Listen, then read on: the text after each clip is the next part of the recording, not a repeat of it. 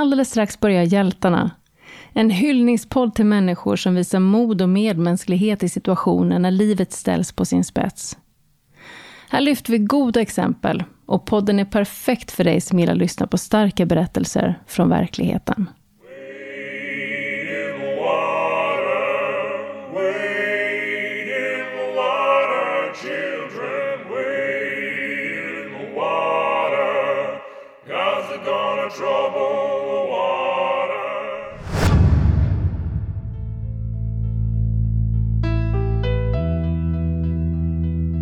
Vi hinner inte gå så många steg innan vi ser hur det verkligen slår slint i den här aggressiva mannen som precis ska gå upp för trappen.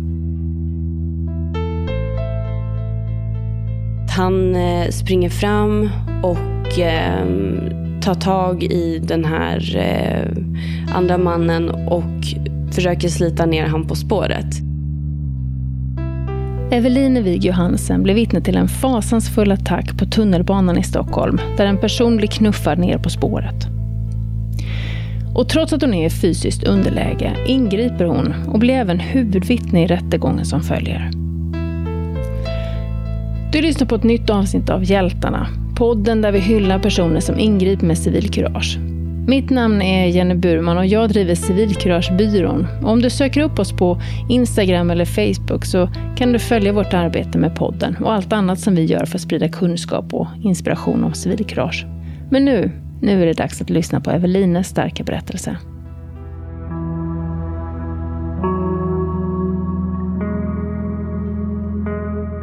Kan man ha ett sjätte sinne?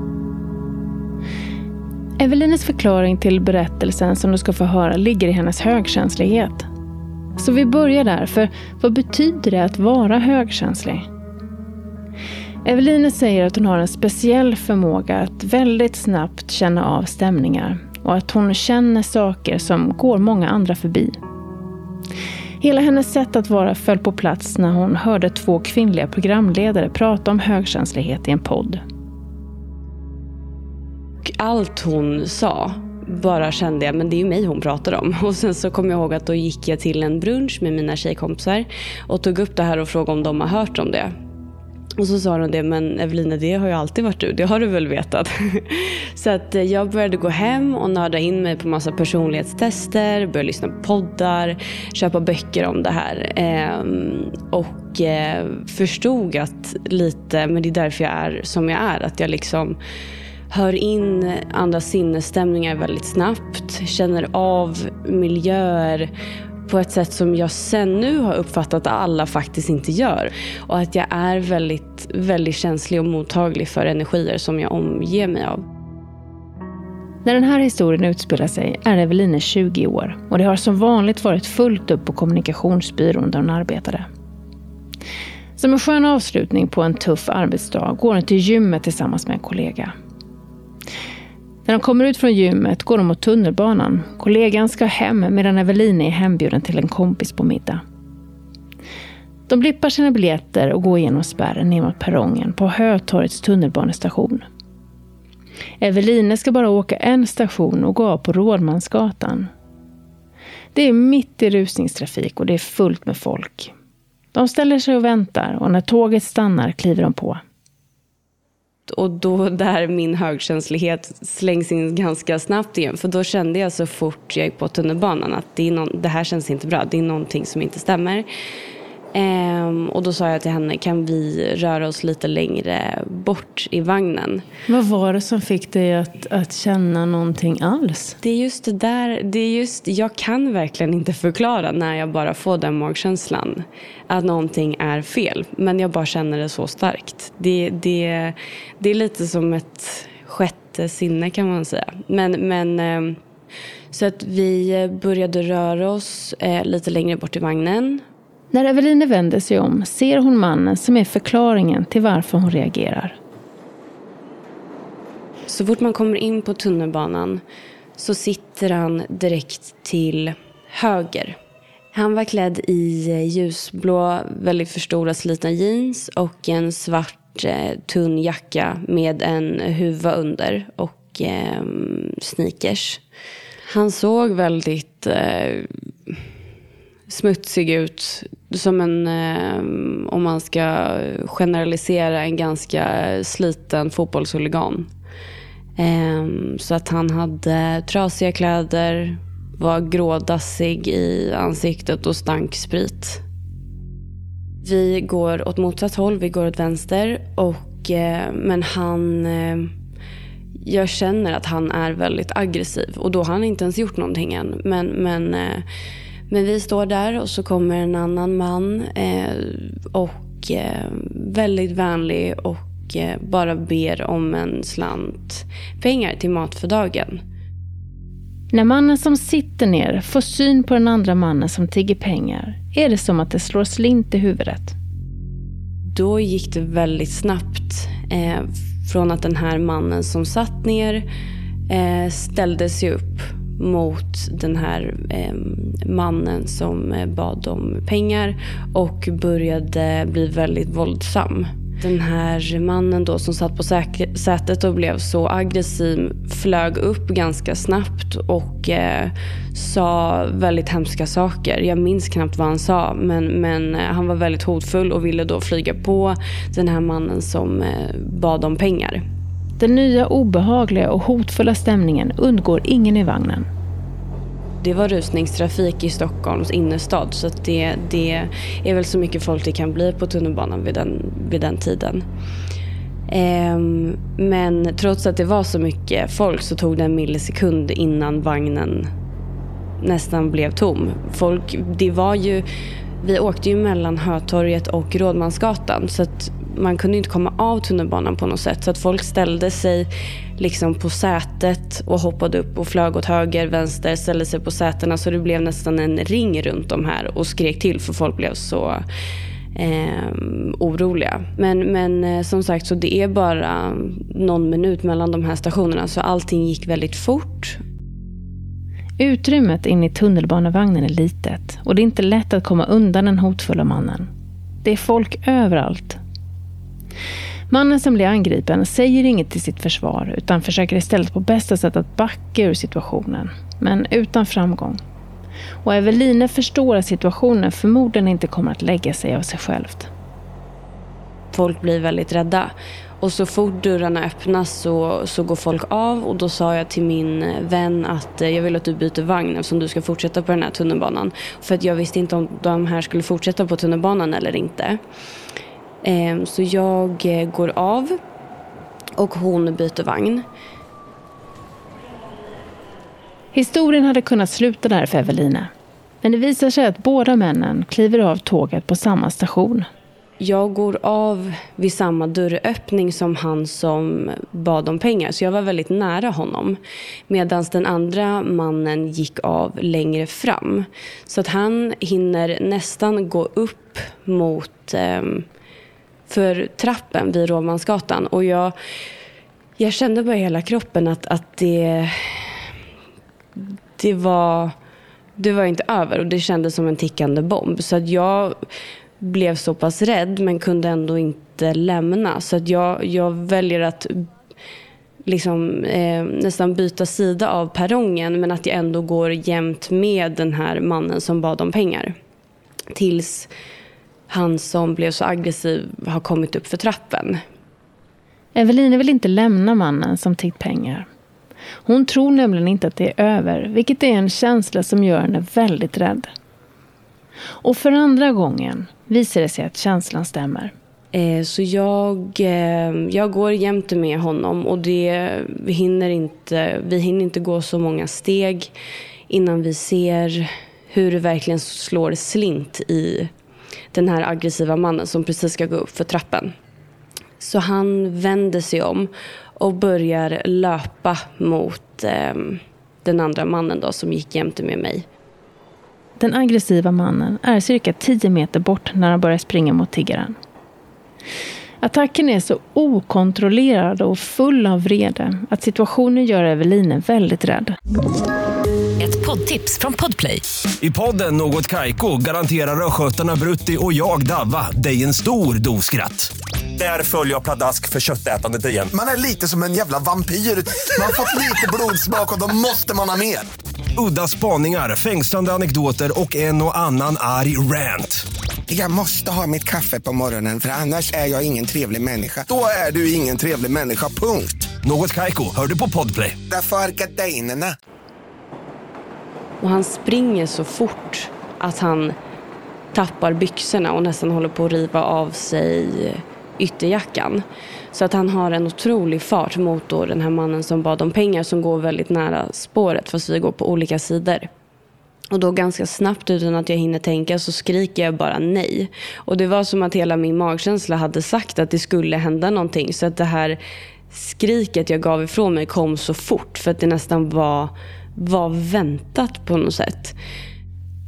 Samtidigt som hon ser den aggressiva mannen springa mot tiggaren börjar hon själv göra detsamma. Hennes förhoppning är att hon ska kunna skydda mannen som blir attackerad på något sätt. Men han eh, som var så aggressiv var mycket snabbare än mig så att han eh, springer fram och eh, tar tag i den här eh, andra mannen och försöker slita ner han på spåret. Och den här mannen som bad om pengar, han var väldigt lång. Alltså jag skulle nästan gissa på att han var över 1,90. Men, men väldigt svag. Man såg att han, han eh, verkligen behövde mat för dagen. Han var helt, helt grå i ansikte och, och väldigt eh, sliten. Så, att, så att trots att han var så lång så var det som att han inte orkade kämpa emot så tog han tag runt hans armar och liksom låste dem så att han lyckades slita ner honom. Men just eftersom den här mannen var så lång så var det ganska svårt. Så då eh, lyckas han eh, fälla honom så att han sparkar på hans ben och då vek det sig och så föll han ner. Allt går snabbt och redan innan Evelina har hunnit fram ligger mannen som har tiggt pengar nere på spåret. Samtidigt som jag springer fram så skriker jag bara nej, nej, hjälp, kan någon hjälpa mig? Allting gick så fort så att jag tänkte inte riktigt på, på hur jag reagerade. Men jag står vid, jag hin, då hinner jag precis komma fram vid honom. Och så förstår jag att jag kommer inte kunna få upp honom själv. Så då skrek jag bara snälla, snälla kan någon hjälpa mig? Och så kollar jag upp mot eh, på tavlan och ser att tunnelbanan kommer om en minut. Med sekunderna som tickar ner är det bråttom att få upp honom. Eveline bedömer mannens möjlighet att komma upp på egen hand som liten. När jag tittar ner på spåret så ligger han, han ligger mitt på spåret och har slagit både sitt vänstra öga och knät mot eh, järnbalkarna nere på spåret. Så att han, han bara blöder och har jätteont och är jättesvag. Så att jag vet att han skulle inte kunna ta sig upp själv heller. Och ligger han ner eller sitter han upp eller vad gör han? Han ligger ner men försöker eh, ganska snabbt att ta sig upp i samband med att jag skriker hjälp, snälla hjälp. Och jag var helt övertygad om att gör ingen det här inom 30 sekunder så kommer han dö. Så att jag skrek bara hjälp, hjälp, snälla han kommer dö. En man kommer springande mot dem för att hjälpa till med att få upp mannen från spåret. Mannen på spåret hade lyckats få upp sina händer mot kanten på perrongen.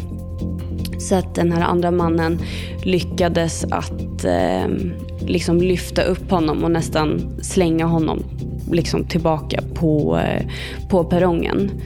Eveline, som tidigare sett den väldigt aggressiva mannen vända tillbaka och gå till attack, är rädd att samma sak ska hända igen.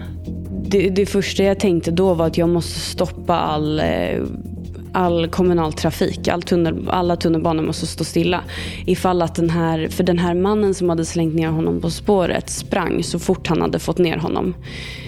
Ehm, men jag, eh, jag tänkte att risken är ganska stor att han kan komma tillbaka. Så att om han hade fått ner honom igen så måste jag stoppa all eh, kommunal trafik. Så, att då, så, så fort jag såg att den här mannen hade fått, fått upp honom på perrongen igen så bara började fötterna springa. Så då sprang jag upp till eh, spärrarna och bara skrek du, du måste stoppa allting, du måste göra någonting. Det är en man som har ramlat ner på spåret. Och jag tror, jag tror inte han som satt där riktigt uppfattade vad som faktiskt hade hänt. För att han var så lugn och jag var helt hysterisk. Trafiken på tunnelbanan stängs tillfälligt av och vakter kallas till platsen. Eveline säger till spärrvakten att polisen måste komma eftersom en person har blivit knuffad ner på spåret. Hon tar rulltrappan ner mot perrongen igen och när hon kommer ner är alla människor borta. Helt ensam hittar hon mannen. Han satt uppe eh, mitt på perrongen, precis vid den här eh, vita strecken som man inte ska gå på nära tunnelbanan. Och hade jätteont och jag såg bara att han blödde från hela benet och i ansiktet. Så att jag eh, springer ner, eh, tar tag i honom och försöker släpa honom mot en eh, Selecta automat som var så att han kunde luta sig. Och eh, då är det en tjej bakom mig som eh, sa kan jag göra någonting? Och då sa jag du får jättegärna springa och köpa vatten. Så då gjorde hon det i den här Selecta automaten som var eh, bakom oss. Medan jag satt med honom och så gav hon den till oss och åkte vidare. Så kunde han dricka vatten och så kunde vi försöka tvätta hans sår. Medan vi väntade på väktarna. Såret framförallt på hans knä var ett öppet köttsår. Det var som att man såg in i eh, benet. Och det bara rann blod från eh, ansiktet och hans kläder var helt sönderslitna. Eh, men han var så, så svag. Vad menar du när du menar svag? Han, jag märkte på honom att han var mest i, i chocktillstånd. Men han, trots att han var helt, nästan helt sönderslagen så kunde han på något sätt formulera fram att det här är inte första gången något sånt har hänt. Det är en känslomässigt jobbig situation för Eveline. Hon är själv chockad av allt som har hänt och hon anstränger sig för att behärska sig för situationen som hade hänt så uppfattade jag honom ganska lugn medan jag var den som kanske inombords var mer hysterisk men försökte visa utifrån eh, ja, men så varm och trygg som möjligt. Eh, så att eh, vi sitter där och jag eh, försökte bara prata rent allmänt och försöka få tankarna på någonting annat. Så att jag frågar lite om vem han är och, och vart han bor eller, och så. Och eh, då berättar det första han säger att han har en fyraårig son och då kände jag nu måste jag hålla ihop för att inte tappa det. Liksom. För att det, det var en, en son som hade kunnat förlora sin pappa. Ehm, så att ehm, eh, det var jättetufft att sitta där med honom. Jag försökte verkligen att eh, att bita ihop. För jag tänkte själv hur det skulle vara och, och förlora sin, sin pappa när man är fyra år. Och framförallt bara på grund av eh, att, eh, att han liksom kom från ingenting. Och att det är så himla orättvist. Eh, för att jag fattar ju själv att hade det här varit, varit en, en genomsnittsman i kostym så är det klart att det här inte hade hänt folk hade ju ryckt in. Um, och för det, det är som att folk tycker att, att uh, det är skrämmande med folk som har det lite tuffare än, än vad man själv har på något sätt. Så att, eh, men jag satt där med honom och ehm, vi pratade och jag fick till och med fram ett skratt några gånger. Det ligger tyvärr en hel del i det som Eveline säger. Och det finns mycket som talar emot att mannen i hennes berättelse faktiskt ska få hjälp. Förklaringen ligger både i det begrepp som inom socialpsykologin kallas för åskådareffekten, som kortfattat handlar om att ju fler personer som är på plats och bevittnar en händelse, desto större är sannolikheten att ingen ingriper. Men det finns också studier som visar att personer som är någorlunda finklädda tenderar att få hjälp i större utsträckning än andra. Vi tar oss tillbaka till Eveline. I den långa väntan på att väktarna ska anlända håller hon mannen sällskap. Berätta, vad, vad pratar man om i det läget? Um, jag frågar väl när, när, han går på tunnelbanan och, och ber om pengar, vad han träffar för typ av människor, hur folk är och hur folk uh, Ja, hans vardag och vad, vad, han har gjort och vad som gör att, eller hur det har gått till att han hamnade här. Liksom. Jag kommer ihåg att han var så himla fin för att jag sa det, ja, men, ja, för han frågade lite om mig och hur gammal är du? Och så nej men jag är 20 år och han bara, jag kommer ihåg när jag var 20 och du vet.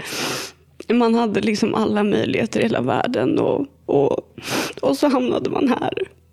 Så att, eh, ja, det var, det var jättetufft. Men eh, han var så, så snäll verkligen. Och man, eh, man såg verkligen att även fast han eh, hade det tufft så var han väldigt fin och väldigt varm och glad och, och så. Väktarna anländer till platsen och det gör också polisen som tar mannen och Evelina åt olika håll för att höra vad som hänt. Efter att hon lämnat sitt vittnesmål ber polisen henne lämna platsen. Hon vinkar till mannen och tar rulltrappan upp mot gatan. Och väl uppe på gatan ringer hon till sin mamma. Nu när hon äntligen kan slappna av brister det för henne. Jag minns knappt vad jag, vad jag sa till mamma. Jag minns att det var då som allting släppte och jag bara började gråta. Ehm, och samtidigt som jag har min mamma i telefonen så ser jag hur min, min vän kommer gående mot mig. Så att hon, hon kramar om mig och vi går hem till henne. Och först där berättar jag vad som hade hänt. Den kvällen ringer Eveline till sin pojkvän som får komma och hämta henne. Bara tanken på att gå ner i tunnelbanan fyllde henne med stort obehag. Jag vågade inte ta tunnelbanan för att det, var, det kändes... Eh, jag var bara jätterädd. Och jag var framförallt jätterädd över att jag kanske skulle se den här... För den här mannen som kastade ner honom gick ju fortfarande lös. Så att jag var också framförallt rädd att, han, eh, att jag kanske skulle stöta på honom och att han skulle bli aggressiv mot mig för att jag hjälpte mannen han försökte döda. Efter det här hände så eh, jag, jag levde på mitt liv som vanligt. Jag hade mycket mardrömmar under den här tiden. Framförallt, att jag, framförallt under den natten. Att jag, eh, jag eh, precis när jag somnade så drömde jag att tunnelbanan kom och så vaknade jag. Jag åkte ju tunnelbanan varje, varje dag till jobbet och det var ju jättejobbigt hela tiden. Och eh, jag fick ju ganska mycket tvångstankar av att eh, jag började kolla konstigt på folk runt om mig och var rädd att någon skulle slänga ner mig. Och framförallt eh, så kunde jag inte gå för nära kanten utan det var nästan som att jag gned mig längs med väggarna så långt bort från tunnelbanekanten som möjligt tills den hade rullat in så att jag kunde gå på. Eh, och, och, så är det än idag. Jag får, det är väldigt ångestladdat att, att eh, gå ner i tunnelbanan när det framförallt är mycket folk eftersom det här var vid rusningstrafik. Och, och för vad hände sen? För det här blir, det här blir rättsliga efterspel, eller hur? Vad, hur gick det till? Jag blev uppringd av polisen och fick en eh, kallelse. Alltså det var, det var eh, ganska overkligt att få hem ett brev att jag skulle vittna över ett mordförsök. Det, det var jätte jätte, jätteläskigt. Och jag eh, hade så mycket ångest inför det här lång tid framöver. Varför tyckte du att det var läskigt för? Jag, eh, jag tyckte framförallt det var läskigt över att se, över att jag var övertygad om att jag skulle då få se den här mannen som hade gjort det. Um, jag var väldigt rädd att, över att han skulle se mig. Um, och att jag... Uh, och att jag inte skulle få med alla bitar som hade hänt och att jag skulle glömma bort vad som hade hänt. För att på något sätt eh, mildra hans straff. Jag ville ju att han skulle få värsta möjliga tänkbara straff såklart. Eh, så att, och just sen visste jag inte, det är väldigt främmande för mig och jag har aldrig vittnat i en rättssal förut. Så att det, hela den grejen var också jättespeciell. Dagen när det är dags att vittna tar Eveline med sig sin mamma och sambo och beger sig till tingsrätten.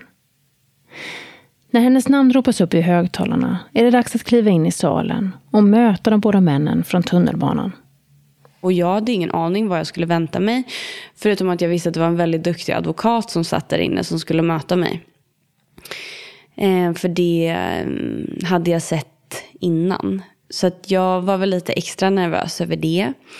Så, eh, men ja, jag tänkte väl att det är väl bara vi som sitter där. Kanske någon anhörig till gärningsmannen och eh, ja, men han som jag skulle försvara då också. Men inte mer än så. Men sen så kom jag ju in och så ser jag att det sitter salen var jättestor och, och det sitter eh, massa eh, reportrar och eh, ja, många ansikten jag aldrig hade sett förut. Och det var bara, det var verkligen som på film. Det var en, ja, men ett bord och en kal stol i mitten som jag skulle sätta mig vid. Och hade ingen aning om vad som skulle hända sen.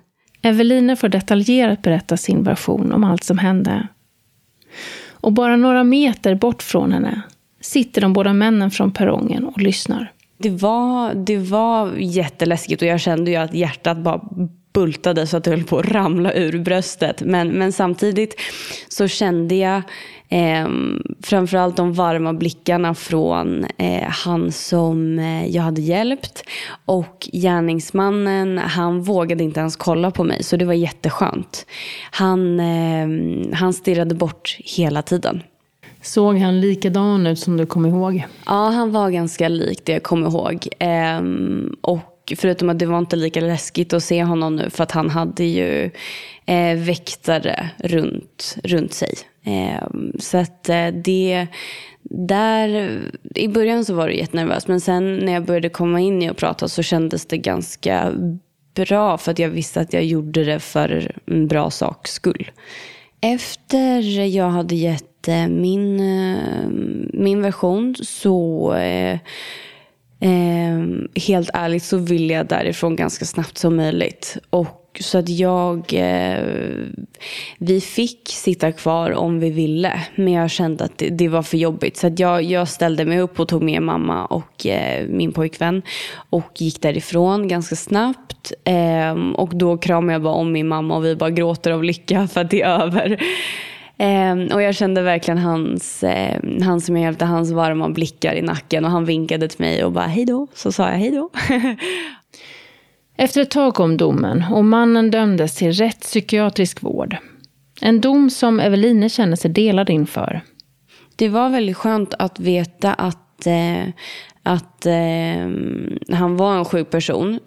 På det sättet att, eh, och då tänker man ju att han det var en gång för att han mådde psykiskt dåligt eller, eller så, att det aldrig kommer hända igen. Men sen så kom det fram att eh, det här var inte första gången han hade blivit aggressiv eh, i tunnelbanemiljö faktiskt. Han har eh, försökt göra liknande saker förut, inte lyckats. Och då som jag uppfattade var det en eh, person av ett annat ursprung det var absolut skönt att han, han blev fälld och att hon tog det på allvar så. Men, men eh, jag, var så, jag, hade så mycket, jag var så arg på den här människan så att jag, jag ville ju jag ville ju bara att han skulle sitta bakom lås och bom. Även fast han var sjuk faktiskt.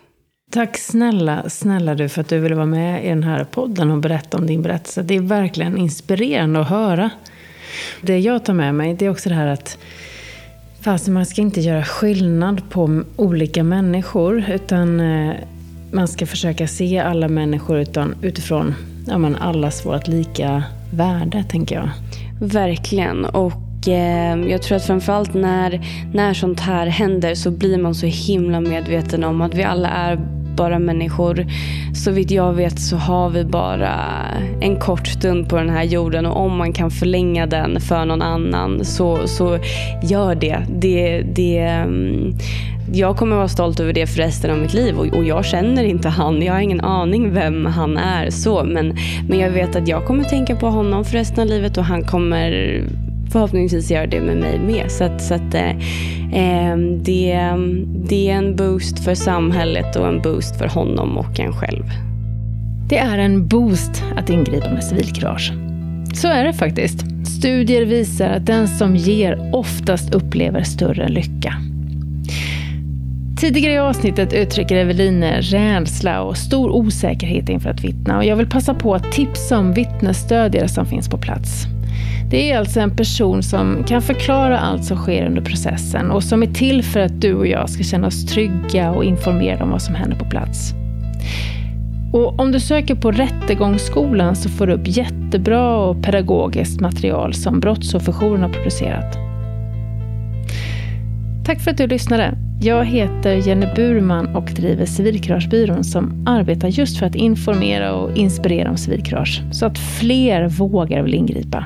För att vi ingriper, det är helt nödvändigt för tryggheten. Jag hoppas att du vill lyssna snart igen. Ha det bra tills dess. Hej då!